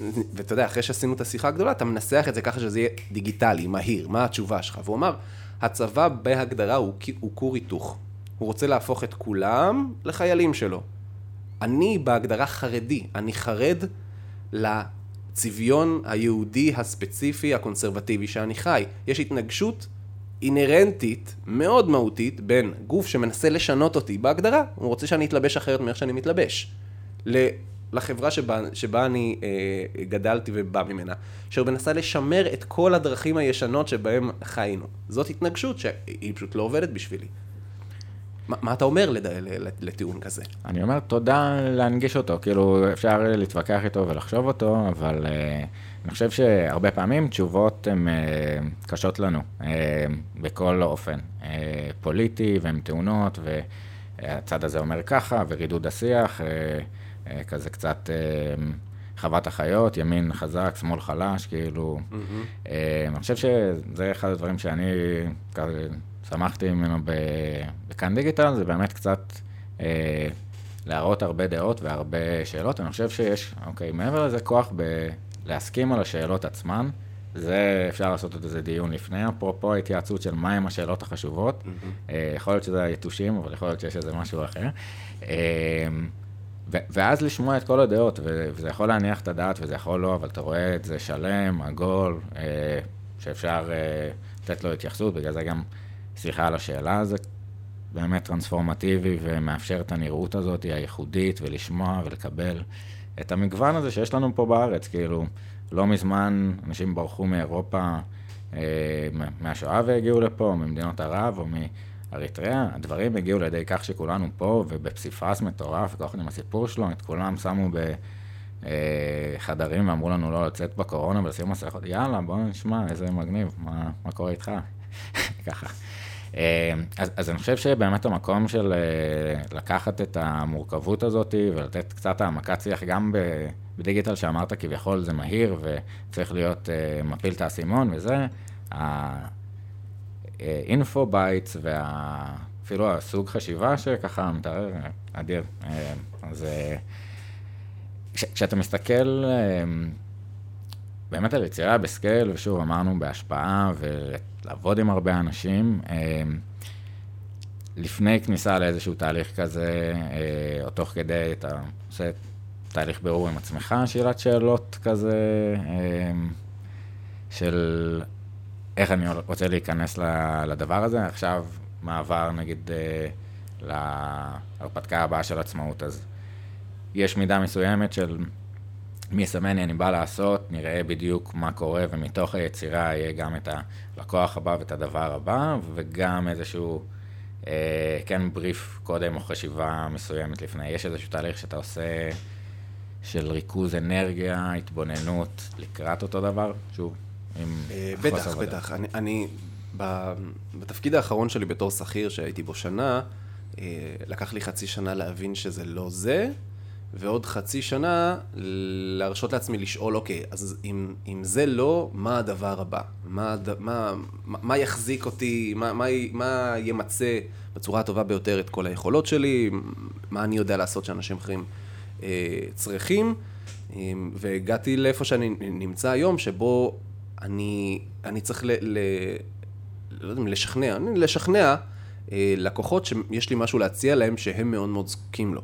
הוא פשוט חדש, אז הם עוד לא כל כך מכירים אותו, ועושים דרכים, ועושים היום דברים באופן שעושים אותם בגלל איזשהו התגלגלות של לא עצרו לשאול, רגע, רגע, רגע, מה אנחנו רוצים לעשות בסוף? בואו תשמעו את השאלות שאני שואל אתכם, ותראו שהתשובות שלי הן התשובות שעונות על הצרכים שלכם, ותוכלו לחסוך בזה אה, כסף.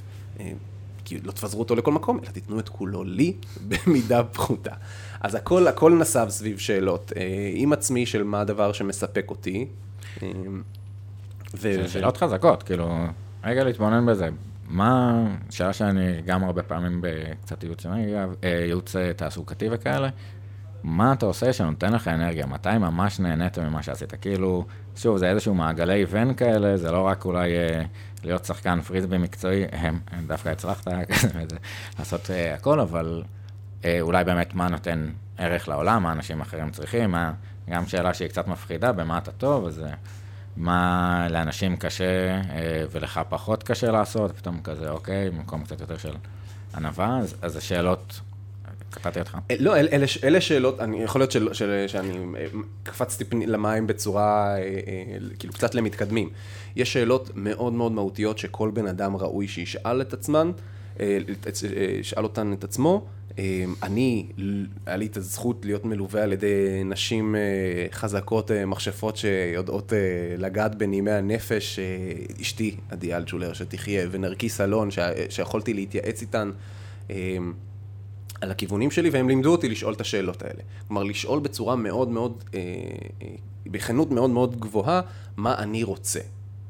ואת השאלה מה אני רוצה, זה משהו שבנ... שכל בן אדם, כל איש ואישה צריכים לקחת ולשאול בכל אספקט בחיים שלהם. מה אני רוצה בזוגיות, מה אני רוצה מהחברים שלי, מה אני רוצה מהמשפחה שלי, מה אני רוצה מעצמי, ואז ברגע שיש לך תשובה, שזה כבר שלב קשה, כלומר, mm-hmm. שאלת שאלה לא פשוטה, תן לה תשובה אמיתית, תהרהר ותיתן תשובה, ואז את התשובות שלך תתחיל לתרגם למה מהם אתה צריך להדהד לעולם. כי אם אתה יודע מה אתה רוצה, אתה צריך כמה שיותר מהר להתגבר ולהיות מסוגל לתקשר את התשובה שלך אה, החוצה. ושאלות שהן באמת של הכוונה אה, מקצועית, זה שאלות של מה אני רוצה לעשות, ומישהו אחר היה מוכן לשלם לי כדי שאני אעשה אותו, כי הוא צריך את זה גם. אז זה כבר הולך לנתיב, לנתיב המקצועי, בגלל זה אמרתי שאנחנו... אבל יש נקודה ראשונית שהיא סופר קריטית, מה אני רוצה. זה מפחיד, אה, זה מרגיש מאוד אה, אבל אם אתה לא באלמנט שלך ואתה לא שואל אה, את עצמך את השאלות ואתה לא באותנטיות ובנאמנות אל מי שאתה, אתה לא רק מפספס את עצמך, החברה ואנשים שסביבך, מהמעגלים הקרובים יותר והקרובים פחות, הם גם נפגעים. כי, אתה יודע, יש, יש תפיסה רוחנית פילוסופית אה, שמדברת על שפע בתור משהו שהוא, אה, שהוא משאב בלתי נדלה. זה לא, זה לא שאם אני חי חיי שפע, למי שלידי זה נגזל ממנו. שפע זה נמצא אצל כולם. אז אם כולנו נחיה to the fullest, אנחנו לאו דווקא נבוא אחד על חשבון אה, השני, אבל אנחנו בטוח נהיה יותר מאושרים ממי שאנחנו, וזה בוודאות גוזר משמעויות על מי שסביבנו. שאלה מטורפת, וגם, אתה יודע, שוב חזרה לתמימה קצרה, מה אני רוצה? כאילו, אתה יודע, יכולה להיות, מה, מה אתה רוצה עכשיו?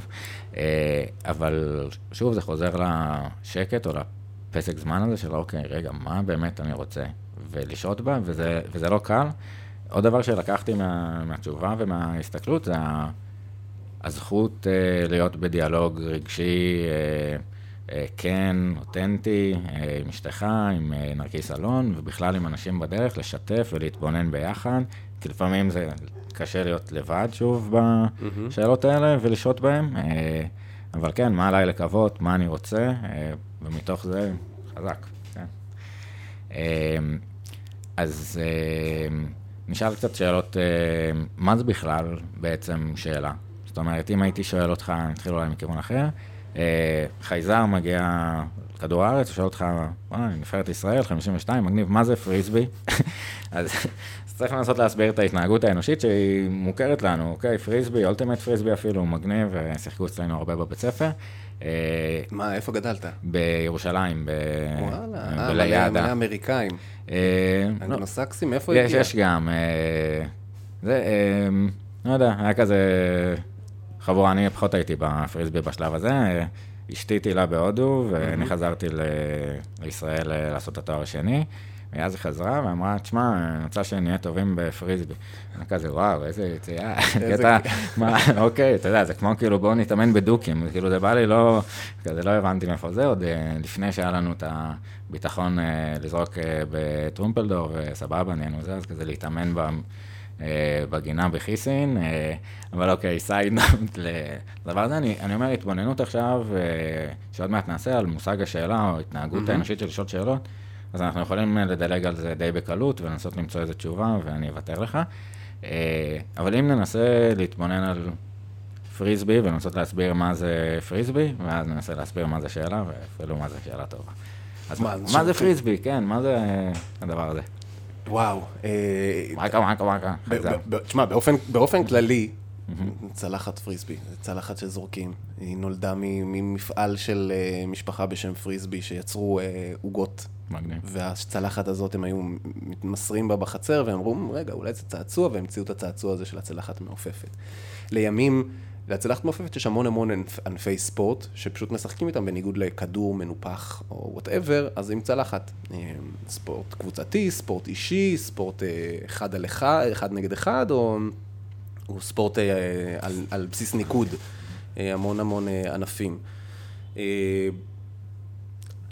תשמע, אני, אני, אני מאוד מקווה שבראש שלי, כשמגיע חייזר ושואל אותי, מה זה פריסבי? אני אומר, אחי, אחי, רג, הרגע ירדת מצלחת מעופפת. כאילו, אתה, אנחנו לא רוכבים על הדבר הזה, כן? זה, סתם לכיף.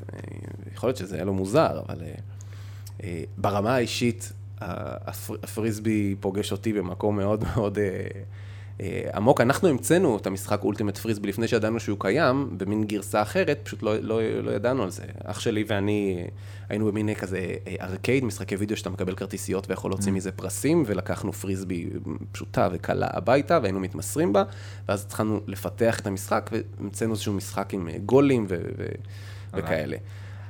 החזרה שלי לספורט תחרותי, במקרה דרך הפריסבי, זה היה בגלל אח שלי ומה שעשינו, שבחרתי בספורט הזה, רק אחרי הצבא, זה כי בתיכון אמ, מאוד מאוד אה, פספסתי את כל מה שקשור לספורט. אה, מתוך איזושהי שנאה, אני פשוט שנאתי להפסיד, כל כך שנאתי להפסיד. אז כל דבר שהיה לא ספורטיבי, אה, כמו ספורט שהוא תחרותי והוא קבוצתי, שיחקתי כדורסל, והיו מושכים אותי ושורטים אותי וצובטים אותי מתחת לסל, ואני כזה, מה? או שיחקתי כדורגל ובועטים לי ברגליים, אני כאילו, לא, אז רגע, שנייה. אי אפשר שהמשחק יתנהל מאחורי הגב של השופט. כן. כאילו, לא הבנתי את הקטע הזה, זה הרגיש לי, פשוט שנאתי להפסיד, ואז אם הנסיבות היו זה, וגם כשזה היה להפסיד בגללי, הייתי מייסר את עצמי, אני עד היום, גם בתוך הפריסבי, כשאני לא מצליח להירדם בלילה, מה שאני חושב עליו, חוץ מדברים מביכים שיצא לי להגיד בציבור, זה אה, החמצות וטעויות שעשיתי על המגרש. כלומר, יש איזשהו משהו בחוויה הספורטיבית כן. שנוכח איתי אז. כשגדלתי הייתי מאוד מאוד בספורט אה, יחידני. עשיתי סייף, והתחרתי באתלטיקה קלה וכל מיני דברים כאלה. ואת הספורט הקבוצתי, אה, כאילו איכשהו פספסתי את הדבר הזה. ואז אה, ה redemption שלי היה לחזור אחרי הצבא לענף הזה, ultimate frisbee. שהוא מקסים ואדיר, זה ספורט של היפים בקטע מטורף, כי הוא ספורט כן. שהספורטיביות בו היא חצי מהעניין. כלומר, כמעט יותר חשובה מלנצח זה להיות הוגן, teammate טוב, מתחרה טוב, להיות אינטנסיבי אבל לא לסכן אף אחד. הספורט הזה משוחק בש, בשיפוט עצמי, אין שופט על המגרש. אתה כאילו מכריע, מכריע ב debate, מחלוקות על המגרש. אתה עושה את זה באדרנלין מאוד מאוד גבוה, שזה תמיד יוצר סיטואציות מאוד מאוד, זה, היה חוץ, לא היה חוץ, וכולם כאילו קצת צועקים, כי אתה באדרנלין, ואז רגע מרגיעים, כי זה המהות של הספורט. God damn hippies. מגניב, וגם, אתה יודע, קצת כמו המצאת החדווה, שכזה אתה ואח שלך המצאתם את ה ultimate frisbee, וגם המציאו במקום אחר, ואנחנו שחקנו בוזי בול, שזה ultimate frisbee עם כדור כן. בעצם, שחשבנו שהמצאנו. אז, אז עולם ומלואו, ועכשיו אנחנו נחזור להתמונן על התנהגות שקצת דיברנו עליה, אבל אה, שאלת שאלות, שאלה. אז אה, מה זאת שאלה בעצם? מה זאת שאלה?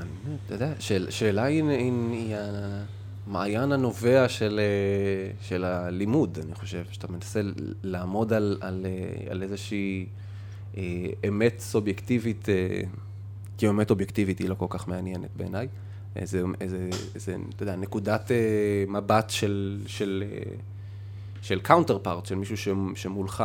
אה, אני חושב, אני, אני לומד יותר ויותר בשנים האחרונות, אני בעוונותיי התחלתי טיפול פסיכולוגי mm-hmm. רק בשנה האחרונה. כלומר, לפני גיל 37 לא הייתי בשום אה, אה, טיפול כזה, ואתה יודע, הסיבות שאני עדיין שומע אנשים שלא נכנסו לעולם הטיפולי, על שהן מתנגדות אליהם, אה, אז אחד הדברים שאני למדתי זה ש... השאלות האלה שחשבתי שאני מסוגל לשאול את עצמי, ואני my own therapist והכל טוב, אתה צריך לשמוע אותם בקול רם. כלומר, יש ערך לשאלה בלי, בלי קשר לתשובה, וכמובן שהיא השורש של לחפש תשובות uh, בעולם. זו מה ששאלה בשבילי. מגניב, זו שאלה מאוד, כאילו, באמת פתוחה, רגע הסתכלות על הדבר הזה, אבל תראה, כאילו, התבוננות משותפת, איזה עוצמות זה. ממש. ובאיזשהו מקום, שוב, יש לויסלבה שימברוסקה, שיר פטיש, אה? של... בזכות, אה, אה, נו, מצפון אישי. Mm-hmm. מדברת על זה שהכלב מסתובב אה, קל אה, ושמח, והדולפין אה, חי את חייו, וכאילו אין איזושהי התבוננות, שוב, לא בסופיות שלנו ולא בדברים הגדולים שזה ייחודי לבן אדם, אבל גם בשאלה אתה מתבונן על עולם פוטנציאלי אפשרי, עולם שבו יש זיכרון בסלון אה, בצורה, כאילו זיכרון השואה בצורה שונה, אולי סתם מה בן אדם עשה בתיכון ואתה פותח אה, קשר אה, חזק או התבוננות רפלקטיבית, וזה דבר שונה. אני קצת מסתכל על זה כדרך שלנו להסתכל ולהבין את ה... מה שאנחנו לא יודעים, שזה. משהו מאוד חזק, בין אם לא יודעים סובייקטיבית ובירור קבוצתי, או אובייקטיבית והמדע ו... וגם מהכיוון הזה. אמ, ואם הייתי שואל אותך בתוך, אה, בתוך החוויה ומסלול החיים והיצירה והעשייה, אה, מה לדעתך הופך שאלה לשאלה טובה? אז אני אחזור שוב לדבר הזה שדיברנו עליו קודם, שהוא הוא, הוא בעיניי, ואני אמרתי רק ממש עכשיו, שבעיניי החשיבות של השאלה היא בעצם השאלה עצמה. אמ, שוב, אני רגע, אני רגע לוקח את זה לעולם שמאוד מאוד רחוק ממני, אבל אני נורא אוהב לפלרטט איתו, כי אני חי דרך להתעסק בו על אנשים אחרים, וזה עולם הדייטים. יש לי, חשוב לי מאוד שאנשים יצאו לדייטים והם יהיו טובים בזה, כי אני מאוד אהבתי לצאת לדייטים, אני מאוד אוהב רעיונות עבודה, אני כבר לא עושה את זה. אה, דייטים, I mean. אה, ואני חושב ש... שאנשים מבינים, נגיד, כשאני שומע את מה שאתה, אתה, אתה, אתה מתעסק בשאלות אה, כבר הרבה מאוד זמן וברמה מאוד מאוד אה, מהותית, אה, ואתה יודע, אתה התפתחת וגדלת ואתה מחפש אמיתות ו, ו, ולגלות דברים חדשים. יש, מה שאמרתי, יש משהו בשאלה, עצם, בעצם השאלה שלה ובעצם שאתה נותן למישהו תחושה שאתה מתעניין ומסתקרן בו, לפעמים התשובה היא, היא, היא, לא, משנה, היא לא משנה. כלומר, באמת אתה לא מחפש תשובה, כאילו, אז למה אני אומר בעולם הדייטים? אנשים רצים לתת את ה-best version of themselves כדי להרשים או whatever, והרבה פעמים הדבר הכי טוב שאתה יכול לעשות בדייט הוא פשוט לשאול שאלות. אה, כמובן שאם אתה רוצה לקחת את זה to the next level, תאזין לתשובה, כן. אבל עצם שאלת השאלות עושה כל כך הרבה, שירות כל כך גדול לשואל ולנשאל, אמ, שבעיניי. שוב, בגלל שהיצירה שלי היא בדרך כלל, היצירה מועדפת על היצירה קבוצתית, אמ, על אף שאני סול קריאייטור ואני יודע לעשות אה, מההתחלה עד הסוף אה, דברים בעצמי, אם אני עובד עם אנשים, שם אני באלמנט שלי. ולכן היכולת לתת לאנשים לשמוע את השאלה, הקשר עין, ולדבר, לדבר ולשתוק, ולהשאיר מקום למישהו אחר. שוב, אני, אני, אני אמרתי לך, בשנים האחרונות אני נורא מתעסק במה המשמעות של להיות תאום אה, על המבנה האישיותי שלי, ואני חושב שהרבה מזה זה החמלה וההכרה בזה שכשלמישהו אין את זה, כמה, כמה קשה זה יכול להיות אה, שאין לך איזושהי ולידציה על הקיום שלך. אה, ואין לך, לך מישהו שהוא, שהוא כל כך קרוב אליך ולידך.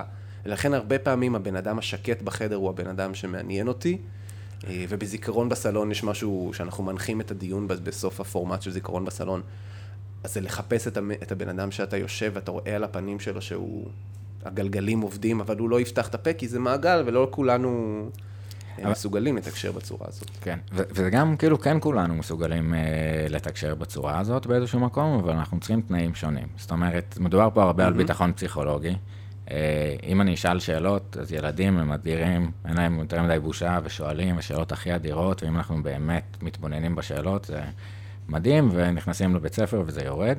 אה, יורד הביטחון הפסיכולוגי, שואלים אם מישהו לא הבין, יש למישהו שאלות, להפך, אם מישהו הבין, יש לו שאלות. מצוין. אה, כן, ו- ובכלל, להפיק שאלות, כאילו, אנחנו, תרגלים אותנו להפיק תשובות ולא להפיק שאלות. אה, ו... אבל לגמרי, כאילו, ה... בן אדם השקט, האינטרוברט, שאתה מת לשמוע אותו ואתה יודע שיש משהו מסקרן, אבל הוא צריך את התמיכת מערכת הזאת, את ה... אקסטרוברטים שקודם מדברים ואז, אה, ואז חושבים, אה, talk to think or think to talk, אה, אבל יש משהו באמת קסם, קתרזי של שאלה אמיתית, שמוציאה אותך מהבדידות או מהסוליפסיזם כזה של דקארט, אתה לא יודע אם יש עוד בן אדם בעולם, אז לא צריך להגזים עד כדי כך בהארדקורט פילוסופיה, אבל במפגש של דייט, להיות באמת מעבר למחקרים שמראים שאתה יותר likeable אם אתה שואל שאלות, ו... יאללה, שנינו בדברים הגיעו לידי כך, שנינו יושבים, בואו נכיר באמת, cut the small talk, כאילו תבחר מספר, ובואו באמת נצלול לשיחה אמיתית, להכיר, מתאים, לא מתאים, אבל לנהל רושם, איזה מעייף, איזה קשה זה. אני גם מאוד כאילו מנסה להבין את האינטראקציה הזוגית הזאת ב, אה, בדייטים, אני גם כבר נשוי הרבה זמן, לא היה את החוויית טינדר, רק כזה מרווקים עכשיו לעזור לייעץ להם, אבל זה... כוח נורא גדול של שאלות ככלי מחבר. אמ. אני מאוד מאוד מאמין בזה. גם, גם על 85 שאלות, אני מאוד מאוד התחברתי לזה ומצאתי את זה כבר בכמה סיטואציות חברתיות כבר פותח את העמוד אינסטגרם ו- ו- וקורא ובודק ו- ומתקיל. ואני זוכר את עצמי שבתור אה, נער שרק התחיל בעולם של אוקיי, בנים, בנות וזה, והייתי באיזושהי חרדה של לא להיות אה, משעמם או... או, או, השתיקה הזאת שיכולה להיות על קו טלפון בשיחה עם, אה, עם אה, מישהי נחמדה, שישבתי עם ידידה שלי וניסחנו כל מיני שאלות, אייס ברייק, דברים שאתה יכול להגיד באמצע mm-hmm. שיחה כדי to keep it going. אה, אז מה, ראית, כאילו, יצא לך להיות פעם בשלג? היה לך איזה חוויה עם שלג שהיית פה בחורף 92? כל מיני דברים כאלה ש... אתה יודע, גם בעיקר בפריזמה של צפוני, לשאול מישהו איפה היית בחורף 92, זה כאילו... כן. אתה זורק אותו ל... חוויה משותפת ו- ומקום, וזה גם לפעמים יכול לשמש אה, כ... אה, איזשהו עוגן. רגע. מהמם. זה גם לפעמים כאילו יכול לשמש לך איזשהו אי בטוח. אני יודע שיש את השאלה או את המקום שאני יכול ללכת ולהסתכל עליו, אם השיחה נתקעת. אה, והרבה בקסם זה, לדעתי, הלהקשיב. זאת אומרת, דיברנו הרבה מאוד על השאלות, אבל לפעמים שאלה לא טובה זו שאלה שניסחת לפני שמישהו סיים לדבר, ואפילו לפני שמישהו סיים לדבר, ועבר עוד איזה שנייה או שתיים של שקט. א', אולי יש לו עוד איזה משהו להגיד, שאתה קוטע אותו עכשיו עם השאלה הלא רלוונטית, ואני בטוח שבריאיון פה דפקתי פה איזה כמה כאלה. אני לא נזכר פשוט ברגעים כאלה של עצמי, מביכים, שבהם השאלה יצאה לא נכון, או לא, לא הייתה בתזמון הנכון, והאינטראקציה פשוט לקחה משם כיוון, כן, אני מבין לגמרי על מה אתה מדבר. וסתם, זה, זה באמת להבין ולהסתכל על השאלות בתור ecosystem שלם. במיוחד אם זה לא רק בן אדם וכיתה, אלא קבוצה יוצרת, אה, החשיבות של שאלה שהיא מנחה ושכל אחד יגיד את הדעה שלו, מין מדד שיש, אה, שלא IQ אישי, אלא IQ קבוצתי, ואיך אתה מעלה את ה IQ הקבוצתי והיכולת לדבר ו-share time, שכל אחד אה, נותן את הדעה שלו. אה, יש לי שאלה כן, אליך. יאללה.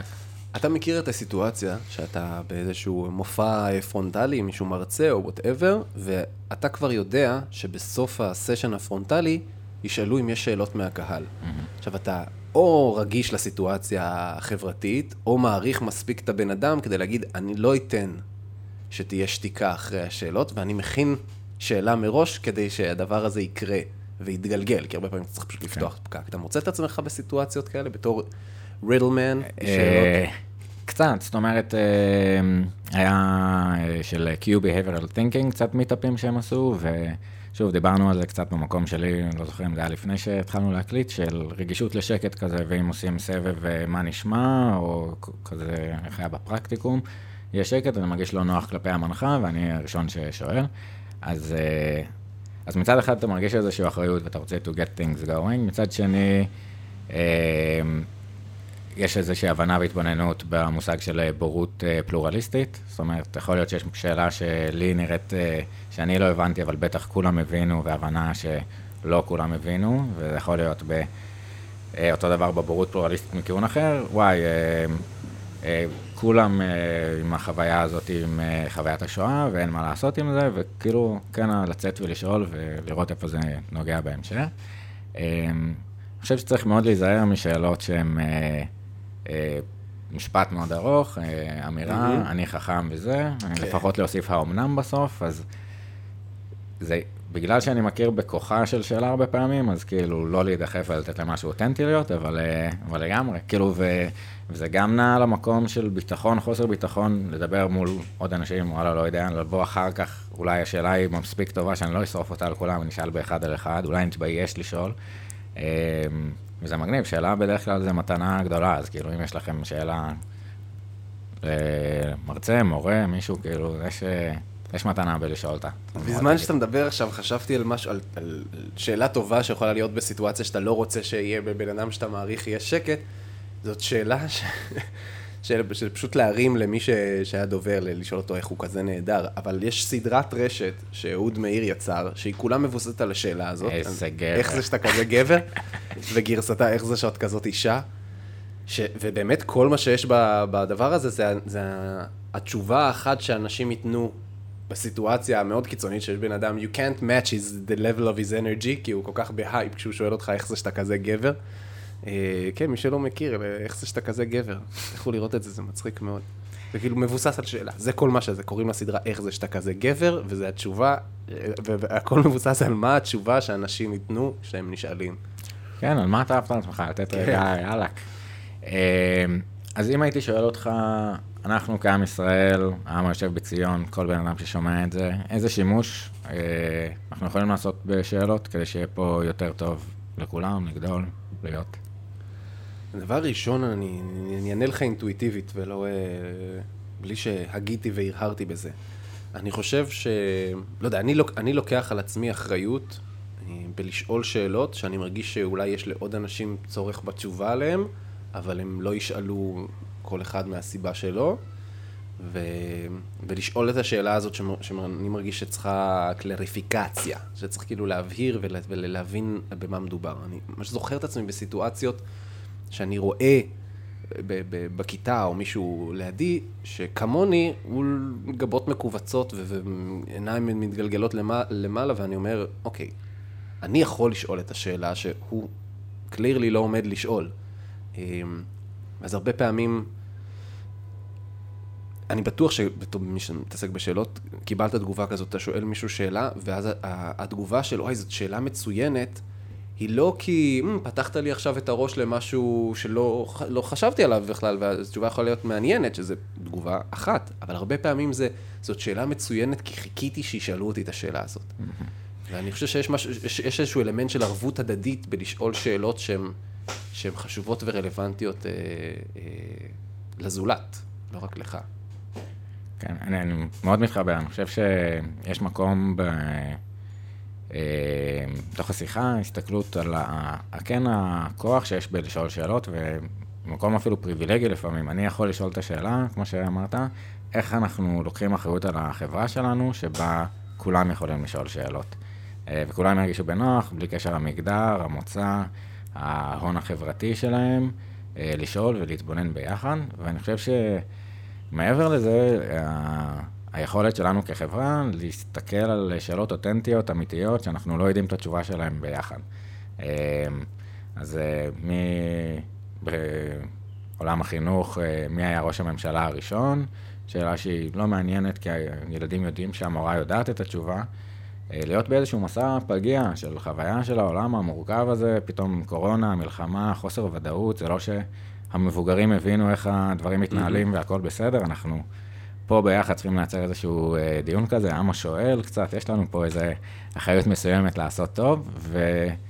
ואני חושב שעוד דבר שלקחתי מהשיחה זה המקום המוצלח, ולנסות להסתכל על סוג של uh, תיבת תעודה לכור היתוך uh, חדש דרך uh, דברים של כאן, ומתוך המקומות של diversity ו-inclusion, ולשמוע גם מקומות יותר מורכבים, כבר לא את ה...